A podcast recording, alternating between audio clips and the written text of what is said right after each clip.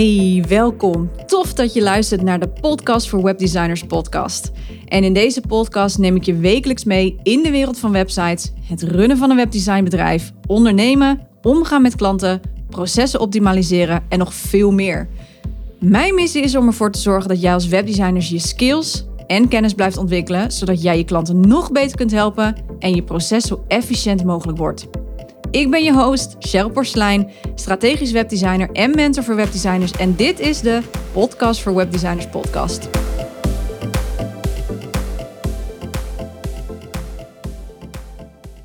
Hey, welkom bij deze summer special van de Podcast voor Webdesigners podcast. En in deze komende weken van de zomervakantie neem ik je mee stap voor stap in mijn webdesign process methode. En die heb ik ontwikkeld speciaal voor mijn projecten en dus nu ook voor de opleiding voor webdesigners. En vandaag neem ik je mee in de beeldfase. En de beeldfase is uiteraard de technische fase van het bouwen voor en van de website. en voor sommige mensen is dit het leukste deel en voor anderen is het iets minder. Nou, kijk ik vooral, vooral hier ook even wat je zelf fijn vindt. Er zijn namelijk webdevelopers out there die webdesigners helpen met het bouwen van websites. Zo besteed ik bijvoorbeeld dit deel van een project sinds vorig jaar uit aan mijn teammember Linda. En ik ontwerp en zij bouwt. En die, uh, zij uh, voegt dus ook, uh, Linda voegt dus ook alle functionaliteiten toe die we nodig hebben in dit geval. Nou, de beeldfase is ook vaak de fase waarin je het minst contact hebt met je klant. Want dit is de fase waarin je nu alles wat je hebt gemaakt alle feedback die je hebt uh, verwerkt. Je hebt groen licht gekregen op je project of uh, op je design, sorry. En uh, alles wat je hebt onderzocht. En dat ga je nu samenbrengen naar een werkende website. Dus hierin zit echt daadwerkelijk het levend maken, om het zo maar te noemen, van de website. Wat hier heel erg belangrijk is, is in deze beeldfase, is dat je goed gaat onderzoeken wat ga je gebruiken. Welke plugins heb je nodig? Welke functionaliteiten moet de website gaan bevatten? En hier moet je dus heel goed kijken naar hoe je deze functionaliteiten zo simpel mogelijk maakt. Ook hierin wil ik even een voorbeeld met je delen. Uh, ook al is het een klein beetje teruggrijpen op design, maar ja, zo zie je dat niks eigenlijk op zichzelf staat en dat alles met elkaar verbonden is. Maar het gaat erom dat je hopelijk goed gaat begrijpen dat ook al bevat de website ingewikkelde functionaliteiten, je hem altijd moet inzetten op gebruiksvriendelijkheid. En een case die ik hierbij wil gaan halen voor deze aflevering is een case die ik vorig jaar heb gedaan. En dat was de website voor toekomst. Toekomst is, een grootste, is het grootste zoekplatform voor studenten die een vervolgopleiding zoeken in het MBO, HBO of in het WO. En de kunst was hier dus om dit platform uiteraard zo gebruiksvriendelijk mogelijk te maken. Want hier zaten ontzettend veel functionaliteiten in. Nou mag je trouwens overigens wel even beseffen, dit project is bij hen intern gebouwd. Dus ik heb dit project niet zelf gebouwd. Ik was alleen verantwoordelijk voor het design. Uh, zij hebben een team van ICT'ers, maar ze hadden geen interne designer. En daarom hebben ze dus mij gevraagd. En, uh, maar, om, maar het is, gaat er vooral even om dat je een, een beeld gaat krijgen van wat, ja, wat je in de beeldfase zeg maar mag gaan doen. Nou, er zaten nogmaals heel veel functionaliteiten in deze website. Zo moest er een compleet filtersysteem natuurlijk in de website komen. En naast het filtersysteem moest er ook tussen een onderscheid komen tussen betaalde en niet betaalde opleidingen. Er moest een functionaliteit komen voor een wishlist. Dus dat uh, de studenten hun favoriete opleidingen in hun account moesten uh, kunnen opslaan. Betekent dus ook dat er een account aan de achterkant gemaakt moest worden. Dus dat daar een technisch iets voor moest ingeregeld worden. Nou, met duizenden opleidingen binnen die zoekmachine kun je je misschien enigszins indenken dat het een massive project was. We hebben dit nou, moeten opdelen, dit project, in drie fases, waarvan de laatste fase zelfs de mobiele versie was. We hebben hem eerst helemaal geoptimaliseerd voor desktop. Daarna zijn we bij de mobiele versie gaan kijken.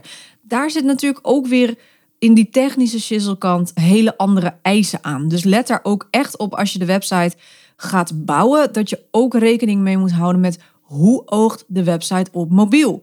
En ja, dat is iets wat tegenwoordig standaard is, maar het is iets wat we nog heel vaak vergeten. Het is ook een klusje, om het zo maar even te noemen. je hebt al een hele website gebouwd, dan moet je hem ook nog gaan checken op mobiel. Ja, dat kost veel tijd, maar het is echt, echt, echt wel nodig. Dus let daar even op.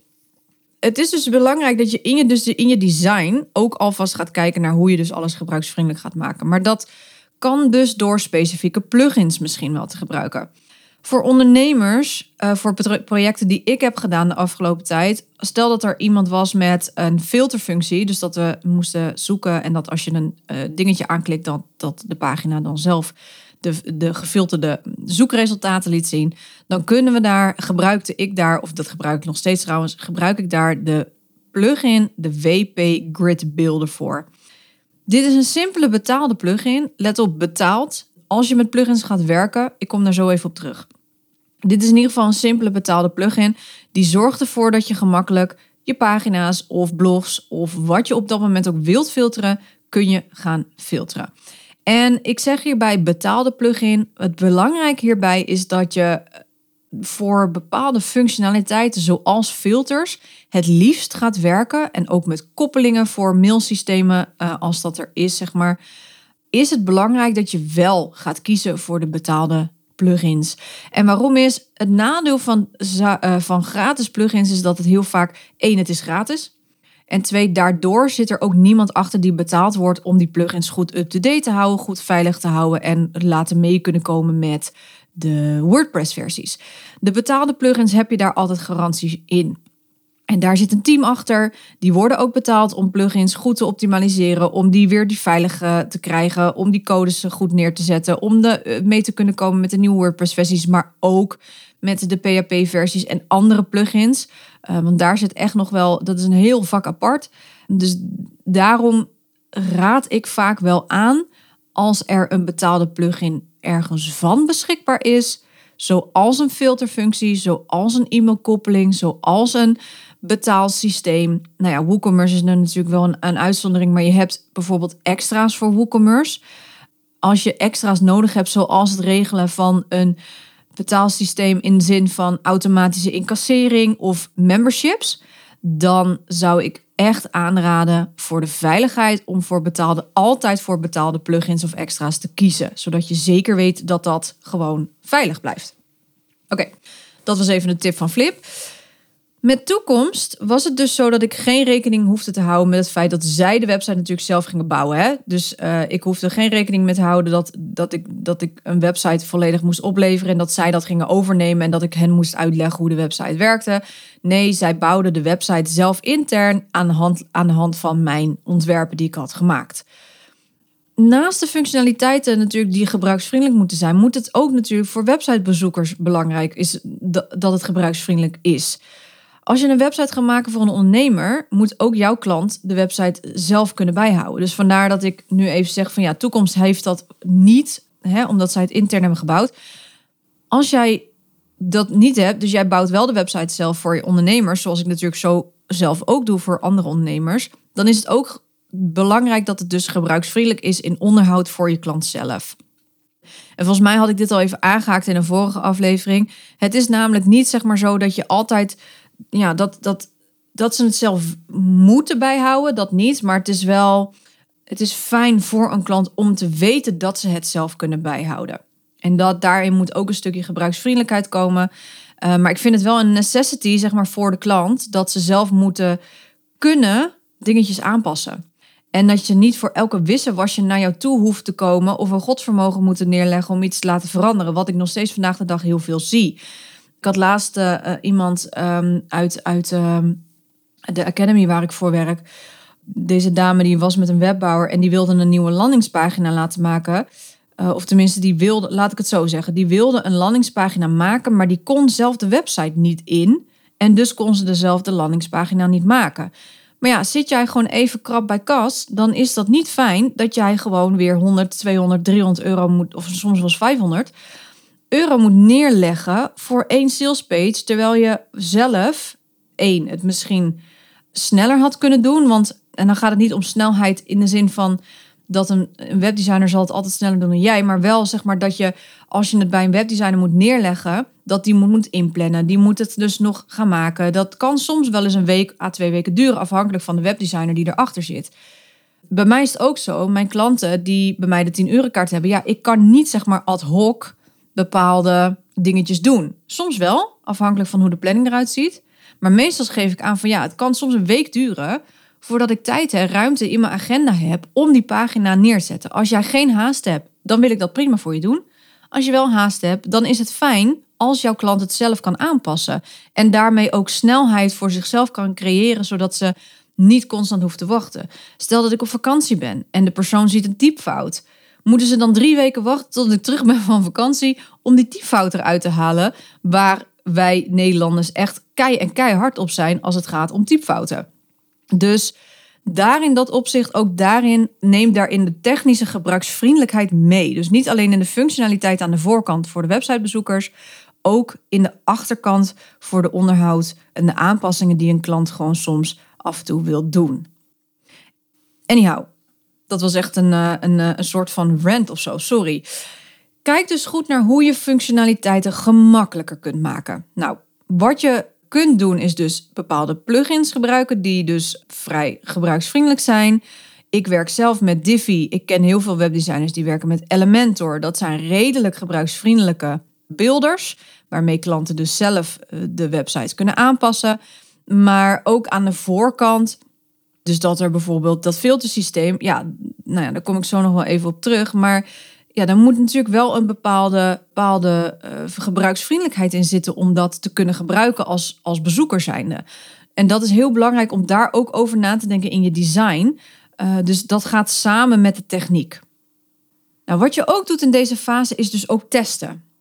En als je je website volledig naar wens hebt gebouwd, en dat kan met Divi Elementor of iets anders wat je voorkeur hebt, is het belangrijk dat je die website gaat testen. Niet alleen om hem klaar te maken voor lancering, maar ook om te checken of het inderdaad wel gebruiksvriendelijk is. En natuurlijk moet je het dan ook checken voor lancering, omdat je wel wilt dat alles werkt en dat je niet na lancering straks uh, ineens uh, een hele hoop 404 errors of een 500 errors krijgt of, of, of het werkt allemaal niet. Dus je zal hoe dan ook voor lancering moeten testen. Maar het gaat hier ook om dat je kan testen, oké, hoe gebruiksvriendelijk is het? En wat je kan doen bijvoorbeeld is, wat ik vroeger altijd op het HBO, daar moet ik altijd heel hard om lachen. Wat ik vroeger op het HBO had geleerd is de moedertest. En het maakt even niet uit, hè. Het gaat erom dat mijn moeder bijvoorbeeld is een generatie die niet is opgegroeid met computers en die dus niet is opgegroeid met hoe bepaalde websites werken. Als zij het niet snapte, en dat kan je tante zijn, het kan je oma zijn, het kan je, kan je, kan je weet veel, je, je, je overgroot nicht zijn, I don't know.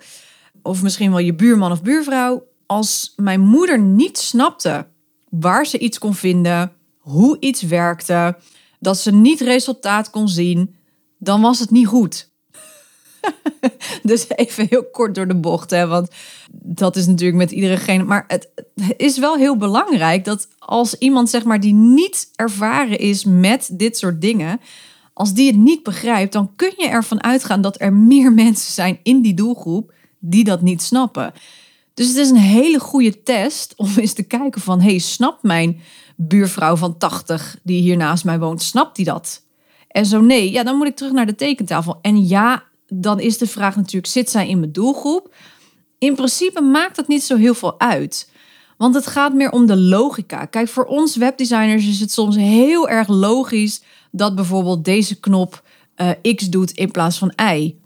Uh, dit is trouwens ook leuk voor, uh, dat ga ik nog wel vertellen in de, in de grow fase. Maar soms komt het voor dat iemand ergens op klikt. En dat heb ik vooral in het, tijdens mijn HBO-opleiding altijd heel erg meegemaakt. Dan klikken mensen ergens op en verwachten ze dat er iets gebeurt. Terwijl het helemaal niet of niet aanklikbaar is.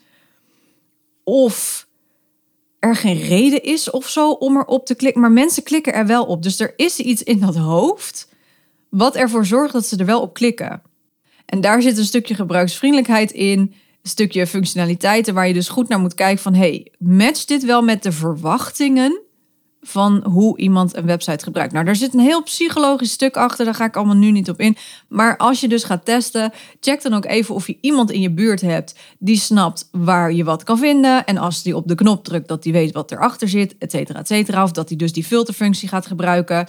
En vervolgens snapt dat er dus dingen nu gefilterd zijn en waar die dan uh, ziet dat er gefilterd, nou, noem het allemaal op.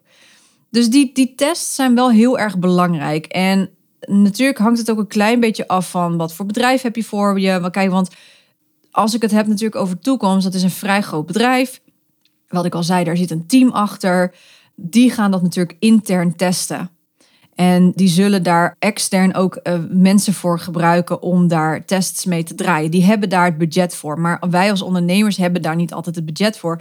Dus is het interessant om het gewoon eens even keer aan je buurvrouw, buurman, je moeder, vader. Of uh, misschien zelfs wel je broer die a-technisch is, of je zus of whatever. Weet je wel? Dus het is best wel interessant om dat eens gewoon eens een keer te testen van... hoi, hoe, hoe kijk jij naar deze website? En snap je waar ik heen moet? En um, dan kun je ook weer dat doel wat je in de researchfase hebt bepaald... kun je ook daarmee checken van klopt het? En zie jij dus wat het doel is van de site? Kun jij dat benoemen of kun je in ieder geval de, de, de route lopen die ik voor jou heb gemaakt in deze website om van A naar B te komen en dus het doel te behalen? Dus dat is echt, nou ja, dat is even een, een, een zo werkt mijn brein. Dan heb ik het ineens ergens over en denk, oh ja, dit is, dit is heb ik vroeger nog meegemaakt of hè. Dus, maar dat is wel een hele interessante manier om je website zeg maar klaar te maken voor lancering en ook om te checken van klopt het inderdaad dat de functionaliteiten die erin zitten dat die echt lekker werken? Want als een functionaliteit dat niet doet en ons uh, zelfvertrouwen gaat omlaag, dan zullen we de website gaan verlaten omdat we zoiets hebben van nee, ik moet hier te veel over nadenken. Dat wil ik niet. Ik wil dat systeem niet aanspreken. Ik ga wel ergens anders zoeken waar ik gewoon niet over na hoef te denken. Het gaat hier allemaal om het stukje dat men niet hoeft na te denken over wat de vervolgstap is of hoe iets werkt. Nou ja, dat, dat is weer, weer een hele andere zijtak. Daar ga ik nu maar even niet op in. Maar dat heeft alles te maken met hoe ons brein werkt. Dus daarin ga even kijken van wat, wat ga je gebruiken. Dus test elk formuliertje. Test elke koppeling met een e-mailmarketing systeem. Doe een test met een betaling voor betaalsystemen. En wat ik vaak doe is, omdat ik herontwerp, doe ik het zeg maar op een development omgeving. Dus ik bouw op een development omgeving. Dus ik maak een sub-URL aan. Dus ik meestal, mijn hosting zeg ik, joh, maak even cprecision. en dan de naam van de, van de klant.nl aan. Dat zijn websites die, uh, die niet snel worden gevonden. Die worden ook vaak niet meegenomen in Google. En die gebruik ik als tijdelijk om even te bouwen. Daar kan ik dus ook uitgebreid testen. Daar kan ik gewoon uitgebreid testen, dingetjes uitvogelen. Zonder dat de huidige website die er nog staat eraf ligt. Of dat, hè, dat er iets niet goed gaat. Of dat er ineens per ongeluk iets stuk is. Daar heeft die persoon nog geen last van. Die kan dan dus gewoon de bestaande website nog blijven gebruiken. Net zolang totdat alle tests positief zijn en de website klaar is voor lancering. Dus ook als jij dat doet, uh, hou daar rekening mee dat je dus een development omgeving voor jezelf maakt, zodat je die dingen ook echt daadwerkelijk kan testen. Kijk ook bij functionaliteiten naar designpatronen. En ook hierin kun je kijken naar andere websites die dezelfde functionaliteiten gebruiken als jij. Bij toekomst heb ik dus heel goed gekeken naar welke filterfunctie, welke website een goede, flinke filterfunctie bevat. Nou, ik heb natuurlijk Coolblue bekeken, want die wordt steeds als beste altijd beoordeeld. Zelf had ik daar wat meningen over. En het grappige is, is dat ik dus daarmee bezig was toen er tijd. Was ik bezig met, met een paar cursussen over die gebruiksvriendelijkheid van Paul Boag. En toevallig hadden we het daar over filtersystemen. Dus dit project kwam als een soort van, nou ja, perfecte timing om die test, die, die, die theorie dus uit te testen. Um, en het grappige was dus dat Coolblue inderdaad daar niet aan voldoet. en daar dus, dus dat was ook voor mij zeg maar een soort van oké, zo moeten we het dus niet doen, want hier en hier en hier en hierom. Nou, bol.com heeft natuurlijk ook een massive filterfunctie. En ik heb even op Amazon gekeken. En er zijn een aantal designpatronen, nou ja, van die drie die ik naast elkaar heb gelegd. En ik heb gekeken van wat werkte fijn en wat werkte niet fijn. En die ervaring, plus natuurlijk mijn eigen ervaring, uh, van de vele websites die ik natuurlijk heb gemaakt, maar ook van de cursussen die ik ondertussen allemaal onder, de, uh, onder mijn riem heb, zeg maar, heb ik gebruik gemaakt, uh, of heb ik dat gebruikt, die ervaring, om dat filtersysteem van toekomst te ontwerpen. Het is dus heel belangrijk om goed overwogen keuzes te maken in de beeldfase. Dus kijk goed hierin ook naar anderen. Want zoals je ook in de designaflevering hoorde, soms dan zie je een website en dan ziet het er echt wel lekker uit bijvoorbeeld. Hè? Dan hebben ze echt wel goed geïnvesteerd in het design. En dan ga je ermee aan de slag. En vervolgens denk je, hè? Wat gebeurde er nou net? Of waarom? Een voorbeeld is die filterfunctie van toekomst Die filterfunctie van toekomst, ik heb dus gekeken naar onder andere Coolblue. En waarom ik Coolblue even aanhaakte en niet om Coolblue af te kraken, want het is prima webshop en het, qua gebruiksvriendelijkheid zitten zij echt wel op een goed, goed hoog niveau. Maar met filters is het fijn dat de pagina bijvoorbeeld niet in zijn geheel opnieuw laat. Dus met andere woorden, wat je wilt met een filtersysteem is dat je alleen het stuk laat laden wat gefilterd wordt. En dan, is het, hangt het natuurlijk ook nog van de snelheid af. Bla bla bla bla. Bij bol.com, of eh, sorry, bij Coolblue kon ik dus net zo lang niet op een nieuwe filter klikken totdat de pagina was geladen. Dat gaat ten koste van mijn snelheid, maar dat gaat ook ten koste van mijn geduld. en ik moet er altijd heel hard om lachen, want mijn geduld. Misschien denk je van, oh ja, je ziet er wel uit of je hebt wel, lijkt wel alsof je heel erg veel geduld hebt. Dat valt vies, soms vies tegen, afhankelijk natuurlijk van wat je me voorschotelt. Maar omdat ik dus niet sneller kon filteren, terwijl ik meerdere filters wilde aanklikken, maar bij elke klik vernieuwde die pagina, raakte ik dus enorm gefrustreerd. En als ik dat raak, en dan ben ik webdesigner, hè? dus ik doe dit om te testen hoe die filterfunctie werkt. Dus je moet je beseffen dat als jij als webdesigner dus ergens gefrustreerd van raakt, dat je dan al bij jezelf te raden mag gaan. Volgens mij is dit niet helemaal de juiste manier van hoe dit zou moeten werken. En ik zeg ook van dit is ook een deel eigen ervaring. Ik heb natuurlijk interactief vormgeven gestudeerd op het MBO. En het heeft allemaal te maken, dit, dat die pagina dus opnieuw met interactie. Dus wat gebeurt er dus als ik op zo'n filter klik? Welke interactie krijg ik daarvan terug? En deze interactie die ik terugkreeg, die matchte niet met wat ik wilde doen. En dan wordt het dus ongebruiksvriendelijk. En dat kan dus een heel klein dingetje zijn, want Coolblue is natuurlijk een van de beste webshops, maar zelfs een Coolblue zou daar nog een verbetering in kunnen maken in de snelheid. Dus in plaats van dat ze die filters uh, die filters, dus met aanklikken van een filter, dat ik of weer naar boven scroll, wat ook zwaar irritant is. Of dat dus die hele pagina wordt ververst en ik dus tot die tijd geen andere filter kan aanklikken.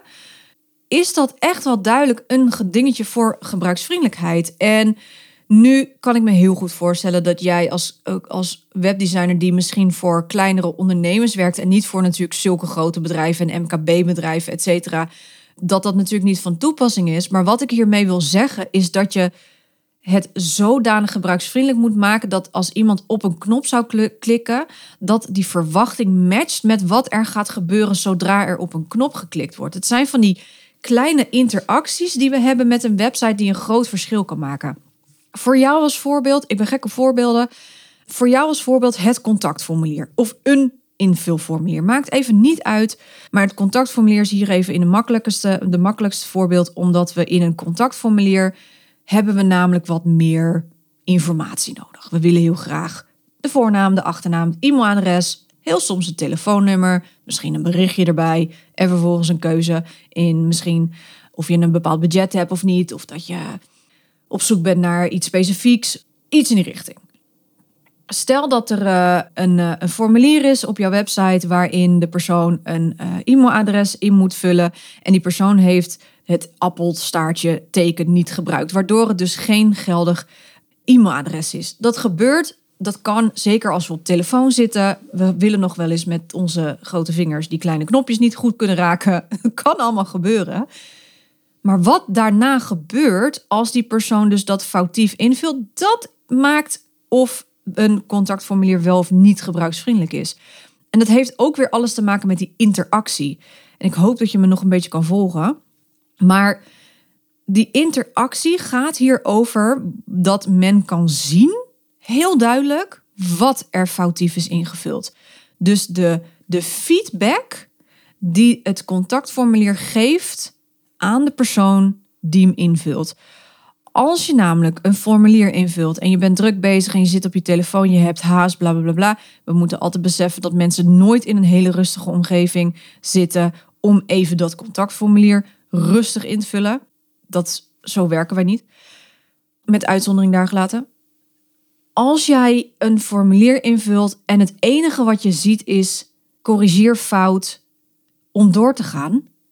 En je weet niet wat je nou fout hebt ingevuld dan zul je bij jezelf merken dat je denkt: ja, maar wat heb ik dan? Dan moet je al, nou ja, en nu is een contactformulier niet heel groot, maar toch moet je al die formulieren, die invulvelden, moet je weer afgaan. Heb ik mijn naam goed gespeld? Heb ik mijn achternaam goed gespeld? Heb ik mijn, heb ik mijn telefoonnummer wel goed inge, ingevuld? Mijn e-mailadres? Oh, maar ik ben ondertussen al drie labels door moeten gaan om te, om te bekijken. En, en nogmaals, als mensen dus in een gehaaste omgeving zitten, zullen ze die fout niet de eerste keer nog een keer opmerken. Dus daar gaat een paar keer overheen. Dus als mensen zoiets hebben van, maar wat is er nou precies fout? Dan voel je die frustratie. Het is een heel klein dingetje. Het is echt een heel klein dingetje wat het verschil kan maken tussen of een formulier wel of niet gebruiksvriendelijk is. En gelukkig, de meeste plugins voor contactformulieren en voor betaalsystemen, et cetera, die hebben dat ingebouwd. Dus die, die, daar kunnen ze nu zeg maar kun je zorgen dat je bij dat invulformulier dat je moet aangeven van hé, hey, het is verplicht. Uh, je hebt deze niet ingevuld, maar deze is wel verplicht. Dan wordt die rood en bla bla. Dat is de juiste manier van feedback geven. Maar er zijn nog steeds, er zijn nog steeds plugins die dat niet doen. En dan, dan moet je er natuurlijk een andere voor in de plaats zetten. Dat snap ik wel. Maar het gaat er even om dat je je beseft dat dat soort kleine dingetjes die de snelheid eruit halen en de frustratie opbouwen, dat dat het verschil kan maken of iemand wel of niet doorgaat met dat contactformulier invullen. En dat had zomaar dus die potentiële klant kunnen zijn die precies binnen die ideale doelgroep valt, die jouw klant zo graag had willen helpen. En dit klinkt natuurlijk allemaal heel dramatisch, maar het is wel zo dramatisch. En het zijn echt kleine dingetjes. Navigatie. Zet met drop, met, met als jij een navigatie onder een uh, ander navigatieblok zet, zet er een pijltje bij dat er iets onderaan klikbaar is. Dat als je met je muis er overheen gaat, dat er een uitklapmenu uh, uh, is. Dat soort kleine dingetjes. En dan zul je merken dat al die kleine dingetjes bij elkaar maakt het grote geheel gebruiksvriendelijk. En daarin zit in de beeldfase echt een heel belangrijk stuk voor zowel voor jou als voor je klant als voor de websitebezoeker. Want wat ik al zei in de vorige afleveringen is, je maakt de website voor de eindgebruiker. Jouw klant is officieel niet de eindgebruiker. De bezoeker, de websitebezoeker, de potentiële klant van jouw klant is de eindgebruiker. En die mogen we in ons achterhoofd houden. En ja, tuurlijk, de website moet makkelijk aan te passen zijn. Absoluut. Maar als de website gebruiksvriendelijk is aan de voorkant, dan 9 van de 10 keer is de website ook vaak gebruiksvriendelijk voor jouw klant om die aan te passen. En die vind ik wel even heel belangrijk om mee te geven als jij een beeldfase ingaat. Want je hebt nogmaals minder contact met je klant tijdens deze fase, omdat dit een fase is waarin je vooral gewoon het ontwerp gaat bouwen. Waar je dus meestal geen feedback op nodig hebt, want het is allemaal al goedgekeurd. En het feedback komt eigenlijk pas in de testfase. Dus dat, dat, dat komt pas als jij die website volledig naar het ontwerp hebt gebouwd. Dan pas ga je met je klant weer afspreken om hem klaar te maken voor een lancering. Uh, en te kijken van, hey, zijn er nog dingen die anders moeten? Zijn er nog dingen die misschien niet lekker werken vanaf jouw kant of van onze kant? Dan kun je dat met je klant samen gaan testen. Maar in die tussentijd heb je dus heel weinig contact met je klant. Dit is ook meestal de, fase waar ook de minste deliverables in zit. Want het enige wat je oplevert is natuurlijk een functionele website. Dus hou daar rekening mee dat je dit stuk dus vooral heel erg veel zelf moet doen. Want jouw klant zit niet te wachten op die technische shizzle. Daarom komen ze bij jou. Dus jij hebt daar als webdesigner en eventueel kun je er natuurlijk voor kiezen om dat dus bij een webdeveloper neer te leggen. Maar ook daarin ga met die mensen wel testen. Want wat weer het verschil is tussen een webdeveloper, is dat zij dus het design weer vaak niet heel erg onder de knie hebben. Dus daar hebben jullie wel in een samenwerking, een goede samenwerking, zeg maar, tot stand te brengen. Maar in ieder geval is het dus heel belangrijk dat je dus echt echt in die beeldfase goed gaat testen en goed gaat kijken van hoe kunnen we ervoor zorgen met welke plugin en hoe met het design dat de voorkant ja, gewoon zo gebruiksvriendelijk mogelijk is en dat iedere Pietje, Jan, uh, Grietje uh, en Annemarie bewijs van de website kan gebruiken. Ook al zijn ze 80 plus. of ook al is het misschien iemand die heel weinig... Kijk, mijn broer bijvoorbeeld is zo a-technisch. Die, die is drie jaar jonger dan ik. Maar die zit in een niet-technisch beroep. Dus die, die heeft weinig te maken met telefoons. Die heeft weinig te maken met het internet. Die heeft... Ja, die heeft, heeft ook helemaal geen social media. Dus die is ook in dat opzicht een heel leuk type om uit te testen, om bij uit te testen, om te checken van snapt die persoon? Want mijn broer is altijd zo van, ja, ik snap er echt geen reet van. Weet je wel, die is echt altijd heel erg, ja, nee, ik snap het echt niet, maar. En dat zijn de perfecte mensen om websites bij neer te leggen en om te checken in die beeldfase, klopt het? Want in die beeldfase heb je nog ruimte om te pivoten om eventueel dingen aan te scherpen of eventueel dingen aan te passen. En als je dat pas doet tijdens lancering en je komt erachter tijdens je lancering dat er een enorme fout in zit of dat het niet werkt zoals ze misschien hadden verwacht, is dat wel een hele pittige fout, om het zo maar even te noemen. Dus altijd die beeldfase pas ingaan. één, als je design af hebt. En twee is dus daar waar je dus meer ruimte hebt om eventueel te kunnen bijsturen waar het nodig is. En ga dat doen met testen. Alright. Dat was hem. Ik hoop dat je met deze voorbeelden hoort wat er, nou ja, wat het, wat het doet, zeg maar, die beeldfase. En dat we dit echt wel, dat hier overwogen keuzes in mogen, moeten gemaakt worden. Natuurlijk moet dat in elke fase. Designfase is daar natuurlijk ook wel rete belangrijk in. Maar de beeldfase is daar dus net zo belangrijk in. En hou er dus rekening mee dat je dus minder contact hebt met je klant, waardoor je dus ook minder terugkoppeling krijgt. En dat je het dus zelf moet gaan doen en je dus je eigen resources moet gaan aanspreken. Dat is vooral ook eventjes belangrijk om nog even mee te geven. Oké, ik ga je loslaten. Uh, ik zie dat deze aflevering alweer veel te lang uh, duurt misschien. Mocht je hier vragen over hebben, uh, dit is ook iets wat ik in de opleiding leer. Dus nou ja, mocht je hier vragen over hebben, haak me even aan. Stuur me gerust een DM'tje of download even de brochure op de website. Hoor je straks in de aftiteling anders alles over titels. Ik bedoel, linkjes staan allemaal in de show notes. Dus je weet me makkelijk te bereiken. Voor nu, fijne zomer en tot de volgende keer. Doei! Thanks for listening. Wil jij je skills verder uitbreiden of verdiepen, je proces optimaliseren en simpel en effectief willen leren werken? Dan is mijn opleiding voor webdesigners perfect voor jou. In dit zes maanden durende één op één traject krijg jij een volledig kijkje bij mij in de keuken. Ik ga samen met jou diep op de materie in, op de onderdelen waar jij op vastloopt. Dus denk aan proces, goede feedback leren ontvangen, hoe jij bepaalde designkeuzes kunt maken op basis van de informatie die je ontvangt, maar ook hoe jij je klanten nog beter kunt helpen met bijvoorbeeld het schrijven van goede teksten, hoe jij je adviesrol kunt inzetten en hoe je lange termijn trajecten kunt aangaan. Dit doe ik allemaal op basis van mijn eigen webdesign processformule die uit vier basisfases bestaan: research, design, build en launch.